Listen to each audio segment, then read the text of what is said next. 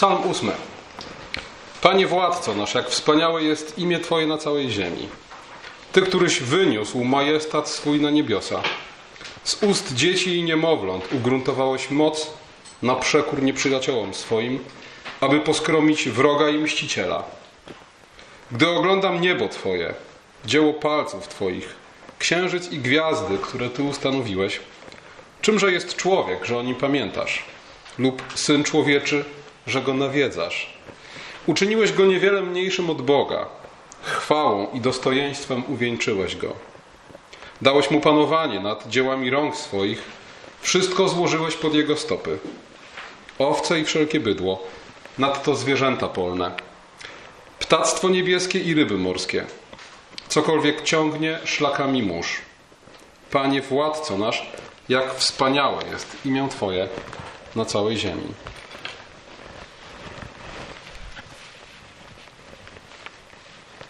Psalm ósmy to przede wszystkim okrzyk zachwytu. Zachwytu nad Bożą chwałą i Bożym majestatem. Boży majestat, jak mówi nam psalmista, jest ponad niebiosa, jest potężniejszy nad wszystko, co stworzone. Bóg z ust dzieci i niemowląt otrzymuje chwałę na przekór swoim wrogom, aby poskromić swoich wrogów. I tu słuchajcie, od razu widzimy dwie rzeczy. Chwała i majestat Boże objawiają się zarówno w stworzeniu, księżyc, gwiazdy, niebiosa, jak i w historii, gdzie Bóg odbiera sobie chwałę z ust dzieci i niemowląt na przekór swoim przeciwnikom. Ten fragment o tym, że Bóg odbiera sobie chwałę z ust dzieci niemowląt bywał rozmaicie tłumaczony i do dzisiaj jest kilkanaście różnych koncepcji, jak należy go tłumaczyć. Ale wydaje się, że najlepszą wskazówką, jak należy ten fragment tłumaczyć i rozumieć, jest Ewangelia Mateusza, rozdział 21, wersety 15 i 16, ponieważ w tym właśnie fragmencie cytatem z Psalmu 8 posługuje się nasz Pan Jezus Chrystus. We fragmencie tym czytamy: Arcykapłani zaś i uczeni w piśmie, widząc cuda, które czynił, i dzieci, które wołały w świątyni i mówiły Hosanna synowi Dawidowemu, oburzyli się i rzekli mu: Czy słyszysz, co one mówią? A Jezus mówi do nich: Tak jest. Czy nigdy nie czytaliście z ust niemowląt i ssących? Zgotowałeś sobie chwałę? Z tego fragmentu wynika jasno, że Bóg okazuje swoją chwałę poprzez, również poprzez to, że działając w historii, wybiera to, co słabe, niemądre i wzgardzone, aby upokorzyć to, co w oczach świata mądre, wspaniałe, dobrze urodzone, pełne ludzkiej chwały i pychy. Pierwszy list do Koryntian, pierwszy rozdział, wersety 27-29 wyjaśniają nam to w sposób dokładny. Co u świata głupiego wybrał Bóg, aby zawstydził mądrych, i co u świata słabego wybrał Bóg, aby zawstydzić to, co mocne. I to, co jest niskiego rodu u świata, i to, co wzgardzone wybrał Bóg, w ogóle to, co jest niczym, aby to, co jest czymś unicestwić, aby żaden człowiek nie chełpił się przed obliczem Bożym. A więc Psalm 8 to okrzyk zachwytu nad Bogiem, który w cudowny sposób pokazuje swoją chwałę. W cudowny sposób pokazuje ją w stworzeniu, stwarzając niebiosa, stwarzając księżyc, gwiazdy, wszystko to, co oglądamy i co, co budzi nasz zachwyt, co jest tak wielkie i wspaniałe. Ten sam Bóg okazuje swoją chwałę w historii, działając w historii, działając w sposób niezwykły, bo poniżając to, co pyszne, wywyższając to, co pokorne. On odbiera chwałę z ust dzieci i niemowląt, na przekór swoim przeciwnikom. I zobaczcie ten fragment z Ewangelii Mateusza, gdzie mamy dzieci i niemowlęta, gdzie mamy dzieci wołające Hosanna synowi Dawidowemu, a więc dzieci, które pełne są mądrości Bożej, bo w Bożej mądrości rozpoznają w Chrystusie Zbawiciela. Z drugiej strony mamy uczonych w piśmie i faryzeuszy, przywódców ludu Bożego, którzy całe swoje życie spędzili na studiowaniu Słowa, którzy okazują się głupi i pyszni, bo tego Chrystusa tego samego Chrystusa, w którym dzieci rozpoznają Zbawiciela, oni odrzucają i usiłują uciszyć te dzieci, okazując się w ten sposób nieprzyjaciółmi, wrogami sprawy Bożej. Widzicie, Bóg odbiera sobie chwałę z ust niemowląt i dzieci na przekór wrogom i nieprzyjaciołom sprawy Bożej. Jego chwała okazuje się w tym, że wybiera to, co słabe, w oczach świata niemądre i wzgardzone, aby upokorzyć to, co pyszne. A zatem historia i natura.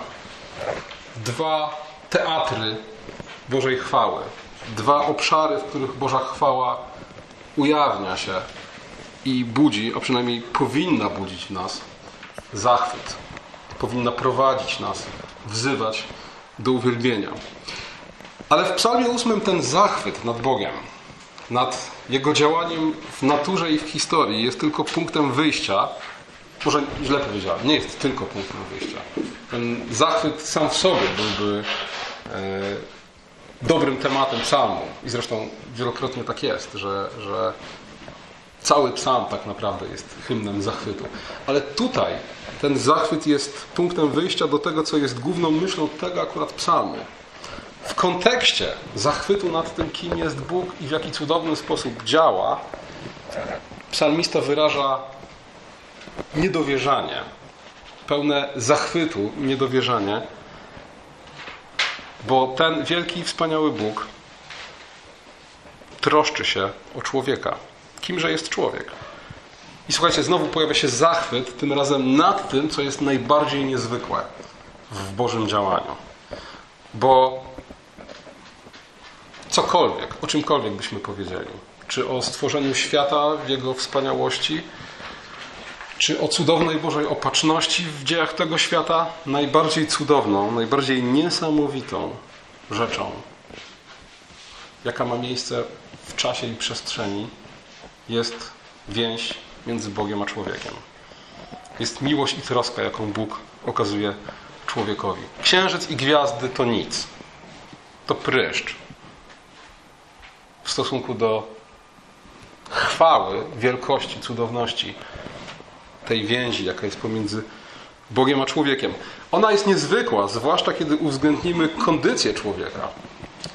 Tutaj komentatorzy zwracają uwagę na to, że słownictwo hebrajskie w Psalmie 8 na oznaczenie człowieka, szczególnie słowo enosz, to jest słowo, które oznacza kruchy, słaby, w tym kontekście śmiertelny. A więc używając tego właśnie słownictwa, psalmista nie tylko zwraca naszą uwagę na to, że Bóg troszczy się o człowieka, ale konkretnie na to, że Bóg troszczy się o człowieka, który jest słaby, chory, śmiertelny, sam w sobie, pozbawiony jakiejkolwiek chwały i atrakcyjności. Po raz kolejny ten psalm przypomina nam o tym, że stworzenie, jakkolwiek jest wielkie i wspaniałe, wszechświat, jakkolwiek budzi nasz podziw, został stworzony tylko po to, a może inaczej w pierwszej kolejności po to, aby zapewnić przestrzeń przymierzu. A przymierze jest niczym innym jak historią miłości Boga i człowieka.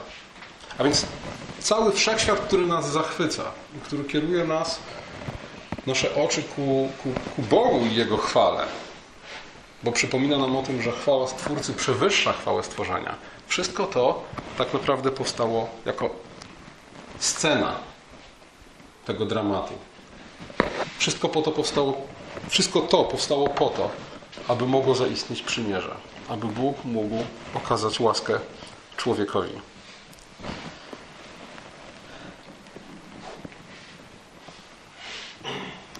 Sam fakt, że Bóg troszczy się o człowieka, sam fakt, że Bóg myśli o nim, że Bóg pamięta o nim, już byłby wystarczająco niezwykły. Gdyby Boża troska o człowieka sprowadzała się tylko do tego, że człowiek rodzi się, żyje, z Bożej łaski spożywa chleb i umiera. Samo to byłoby już wystarczającym powodem do chwały. Ale psalm idzie dalej i mówi, że tak jakby tego jeszcze było mało, tak jakby mało było tego, że pamiętasz o człowieku, który jest słaby, chory, śmiertelny. Tak jakby mało było tego, że się o niego troszczysz, to jeszcze uczyniłeś go niewiele mniejszym od siebie. Uwieńczyłeś go chwałą i dostojeństwem. I tutaj, słuchajcie, jest przeskok w słownictwie. Tak? Od Enosz, od tego słaby, chorowity, śmiertelny, do chwały i dostojeństwa, do słownictwa, które generalnie jest zarezerwowane dla króla, dla tekstów psalmów królewskich, mesjańskich. A więc uczyniłeś go niewiele mniejszym od siebie, uwieńczyłeś chwałą i dostojeństwem i wreszcie dałeś mu panowanie. Wszystko złożyłeś pod jego stopy. Słuchajcie, teraz widzimy tą całą dramaturgię psalmu, do czego on tak naprawdę zmierza. Najpierw ukazuje nam w zachwycie dzieła Boże, naturę i historię, pokazując, jaki Bóg jest wielki, jaki jest pełen chwały. To prowadzi nas do tego niedowierzania i zadziwienia, że ten wielki, pełen chwały Bóg troszczy się o zwykłego, śmiertelnego, chorego, słabego człowieka. Po czym dodaje, jako, jako ta wisienka na torcie, jako ten kulminacyjny punkt, że to nie jest tylko zwykła troska, to nie jest tylko zwykła opieka, to nie jest tylko zwykła opatrzność. Bóg ma wobec człowieka swój absolutnie niewiarygodny plan. Uczynił go niewiele mniejszym od siebie, uwieńczył chwałą i dostojeństwem, dał mu panowanie i wszystko złożył pod jego stopy. Warto zwrócić uwagę na to sformułowanie, które mówi nam, że człowiek jest niewiele mniejszy od Boga. Wszystkie naturalistyczne koncepcje przedstawiają człowieka jako niewiele więcej wartego od zwierząt. O, niektóre przedstawiają wręcz jako tyle samo wartego, bądź jeszcze mniej wartego niż zwierzęta. I człowiek w pewnym sensie jest podobny do zwierząt, tak? W sensie jak najbardziej biologicznym, naturalnym poczęcie, narodziny, śmierć, procesy życiowe. Ale w tym fundamentalnym sensie człowiek nie należy do tego świata, do którego należą zwierzęta. Należy do duchowego świata, do którego należy Bóg i Jego aniołowie. Jeśli Biblia porównuje ludzi do zwierząt, to zwykle są to porównania niezbyt sympatyczne i zwykle wiążą się z kondycją człowieka. Na przykład w Psalmie 73, w 22 wersecie czytamy, że człowiek bywa głupi i nierozumny jak zwierzę. Ale kiedy bywa głupi i nierozumny jak zwierzę? No wtedy, kiedy przeżywa swoje życie, koncentrując się na sprawach materialnych, na poszukiwaniu bogactwa, kiedy zapomina o Bogu, krótko mówiąc. Wtedy staje się głupi i nierozumny jak zwierzę. Zresztą w Psalmie 49 czytamy podobnie, że człowiek, który żyje bez Boga, jest podobny do bydląt, które giną. I tutaj mamy ten tutaj mamy to przeciwstawienie. Z jednej strony człowiek uczyniony został przez Boga jako niewiele mniejszy od Niego. Podobny do Boga, na Jego obraz i podobieństwo obdarzony wolą, rozumem, kreatywnością, zmysłem moralnym, przeznaczony do wieczności. A więc Bóg upodobnił go poprzez akt stworzenia do siebie. I co najwyżej człowiek może upodobnić siebie samego do zwierząt wtedy, kiedy żyje jak zwierzę. Wtedy, kiedy żyje w sposób bezrozumny, skoncentrowany jedynie na tym, co doczesne, porzucając Boga. Więc wbrew pozorom, słuchajcie, to podobieństwo do zwierząt, takie biologiczne, biologi podobieństwo w funkcjach życiowych, z biblijnej perspektywy mało jest istotne. Biblia nie wypomina nam, że jesteśmy podobni do zwierząt w tym, że się poczynamy, rodzimy i umieramy w podobny sposób.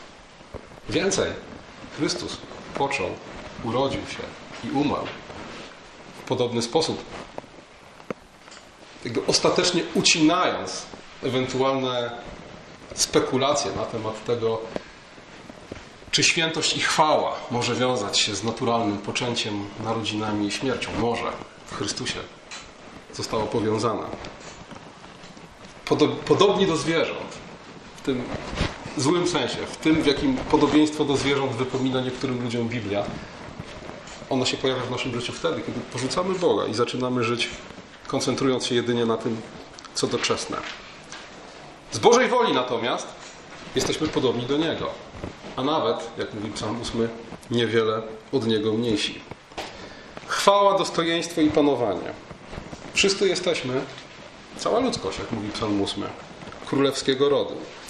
I oczywiście jest to nawiązanie do tego, co stało się w dniu stworzenia. Pierwsze słowa na temat człowieka, jakie pojawiają się w Biblii, kiedy Bóg mówi w pierwszej księdze Mojżeszowej, w pierwszym rozdziale 26 wersecie, uczyńmy człowieka na obraz i podobieństwo nasze, niech panuje nad tym, co stworzone. A więc takie było przeznaczenie człowieka od początku. Człowiek miał panować.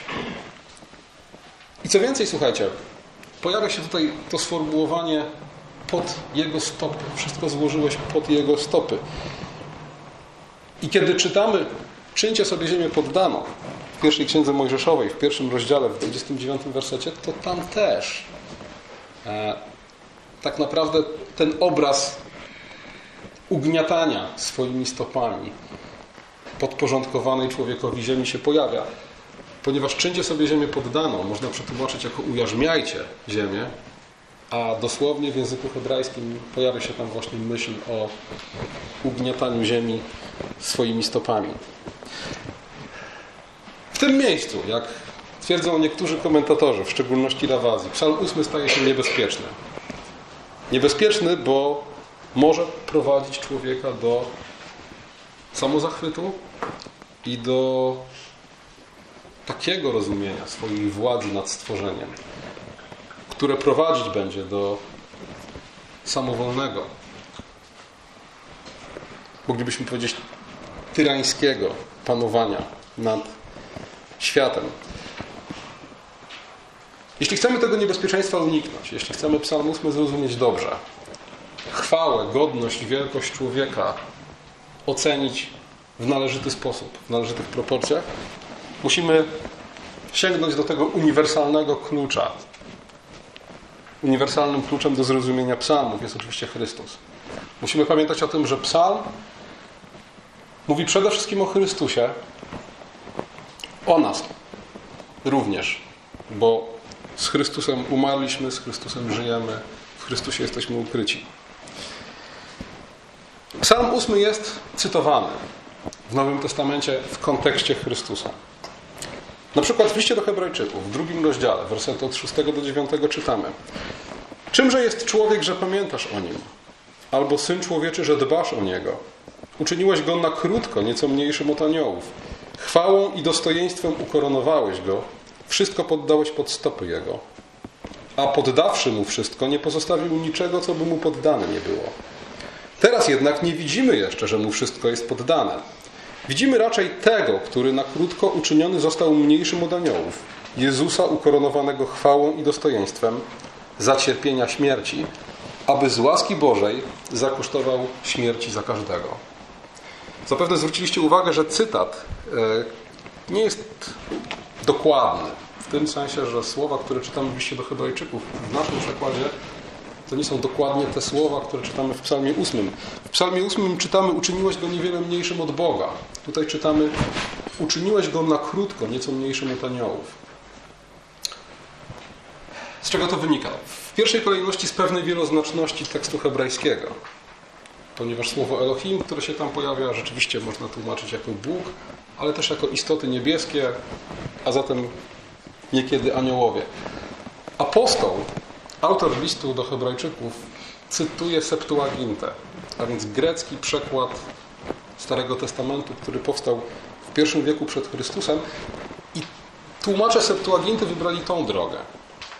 Zamiast niewiele mniejszym od Boga, przetłumaczyli ten tekst jako niewiele mniejszym, czy nieco mniejszym od aniołów, umieszczając jeszcze dodatkowo słowo na krótko, które z kontekstu można wywnioskować, że taka rzeczywiście jest myśl, e, że taka może być myśl, czy tak może zostać oddana myśl tekstu hebrajskiego, choć niekoniecznie. Ale słuchajcie, to też nie jest przypadek, że akurat w liście do Hebrajczyków ten tekst cytowany jest w takiej właśnie wersji. Bo autor listu do Hebrajczyków chce zwrócić uwagę na to, że Chrystus jedynie na krótko został uczyniony nieco mniejszym od aniołów. Prowadzi nas to oczywiście do uniżenia Chrystusa w Jego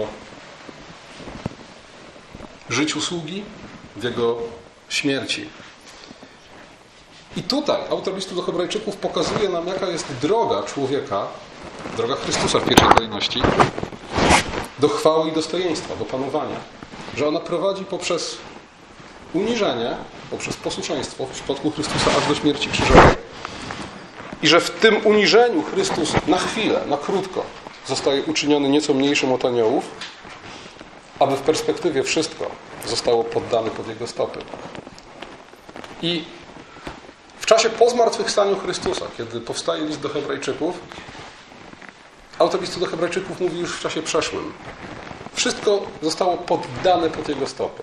Chrystus, który zmartwychwstał, zwyciężył śmierć. On panuje. W Nim wypełniły się słowa psalmu 8. Ale dodaje jednocześnie, że tego jeszcze nie widzimy. Na razie widzimy tylko Chrystusa ukoronowanego chwałą i dostojeństwem za cierpienia śmierci. Czekamy dopiero na ten moment, w którym objawi się bez najmniejszych wątpliwości, że Bóg wszystko poddał pod Jego stopy.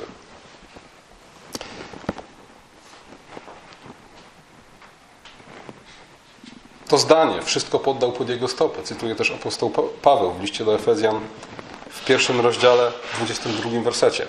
Cytuję je także w pierwszym rozdziale listu do Koryntian, e, przepraszam, w pierwszym liście do Koryntian, w 15 rozdziale, więc w tym tekście, który mówi o zmartwychwstaniu. Tam mówi, że Chrystus musi królować, dopóki nie położy wszystkich nieprzyjaciół pod stopy swoje, a jako ostatni wróg zniszczona będzie śmierć. Wszystko bowiem poddał pod stopy Jego. I słuchajcie, odniesienie psalmu 8 do Chrystusa rzuca właściwe światło na to, czym jest godność człowieka i jego królewskie powołanie, o którym mówi psalm 8. Godność człowieka i jego królewskie powołanie przede wszystkim wynika z Bożego wyroku, z Bożego nadania. Człowiek nie jest królem sam z siebie. Człowiek nie jest królem, nie zdobył sobie tego królewskiego tytułu własnymi siłami. To Bóg wszystko poddaje pod stopy Chrystusa, to Bóg wszystko poddaje pod stopy człowieka, dbając jednocześnie o to, abyśmy przebyli właściwą drogę do chwały i dostojeństwa, które dla nas przygotował. I abyśmy tę chwałę i dostojeństwo we właściwym czasie odziedziczyli. List do Galacjan przypomina nam o tym, że niepełnoletni dziedzic nie różni się od sługi, od niewolnika, bo poddany jest opiece wychowawców. W ten sposób apostoł Paweł przedstawia Izrael przed przyjściem Chrystusa, poddany pod wychowawcze działanie zakonu.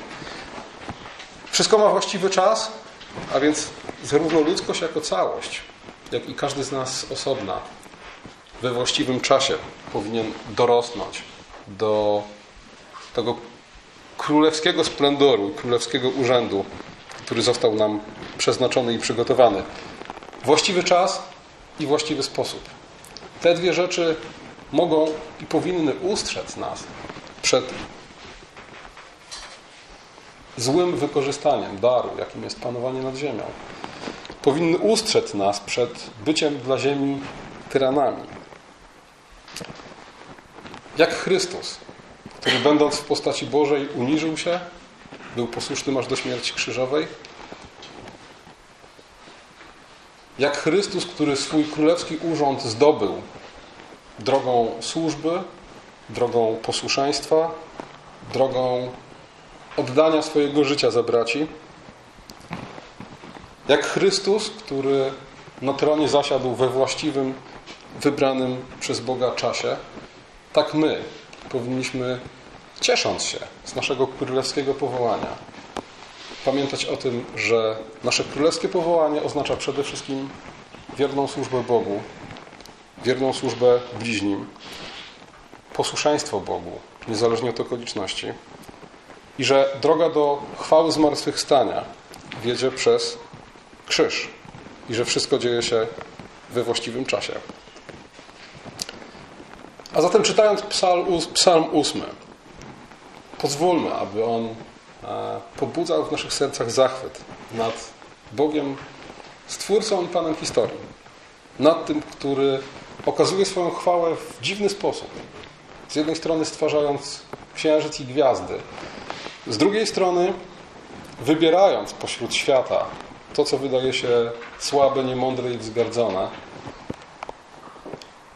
pomijając jednocześnie, odsuwając, upokarzając to, co wydaje się po ludzku pełne chwały. Ten psalm przypomina nam o tym, że cała ludzkość jest królewskiego rodu, że godność, szacunek, dobrze pojęta równość, sprawiedliwość i poczucie wspólnoty należy się każdemu człowiekowi. Winni jesteśmy to każdemu człowiekowi, bo wszyscy jesteśmy królewskiego rodu. Przypomina nam również o tym, że jeśli wyjęlibyśmy z tej z psalmu 8 Chrystusa, jeśli chcielibyśmy panowanie człowieka nad ziemią rozpatrywać w oderwaniu od niego, człowiek zamiast błogosławieństwem stałby się dla ziemi przekleństwem. Naszym przeznaczeniem jest panować jak Chrystus i panować z Chrystusem. Ale panowanie jak Chrystus i z Chrystusem może się dokonać tylko dzięki temu, że będziemy do Niego podobni. A wtedy, choć na pierwszy rzut oka nie widać, że to my, którzy jesteśmy w Chrystusie, sprawujemy władzę nad ziemią, na pierwszy rzut oka widać raczej koronę cierniową niż koronę chwały. To jednak możemy być pewni tego, że Bóg wszystko w ostatecznym rozrachunku, poddając pod stopy Chrystusa, podda pod nasze stopy. Boże obietnice związane z panowaniem nad ziemią skierowane są do tych, którzy są w Chrystusie. Skierowane są do Jego świętych. Wszystko, jak mówi Słowo, zostaje poddane pod Jego stopy. Łącznie z tym, o czym mówiliśmy ostatnio, przy okazji Psalmu 10, łącznie z tym ostatnim wrogiem, którym jest śmierć. Amen.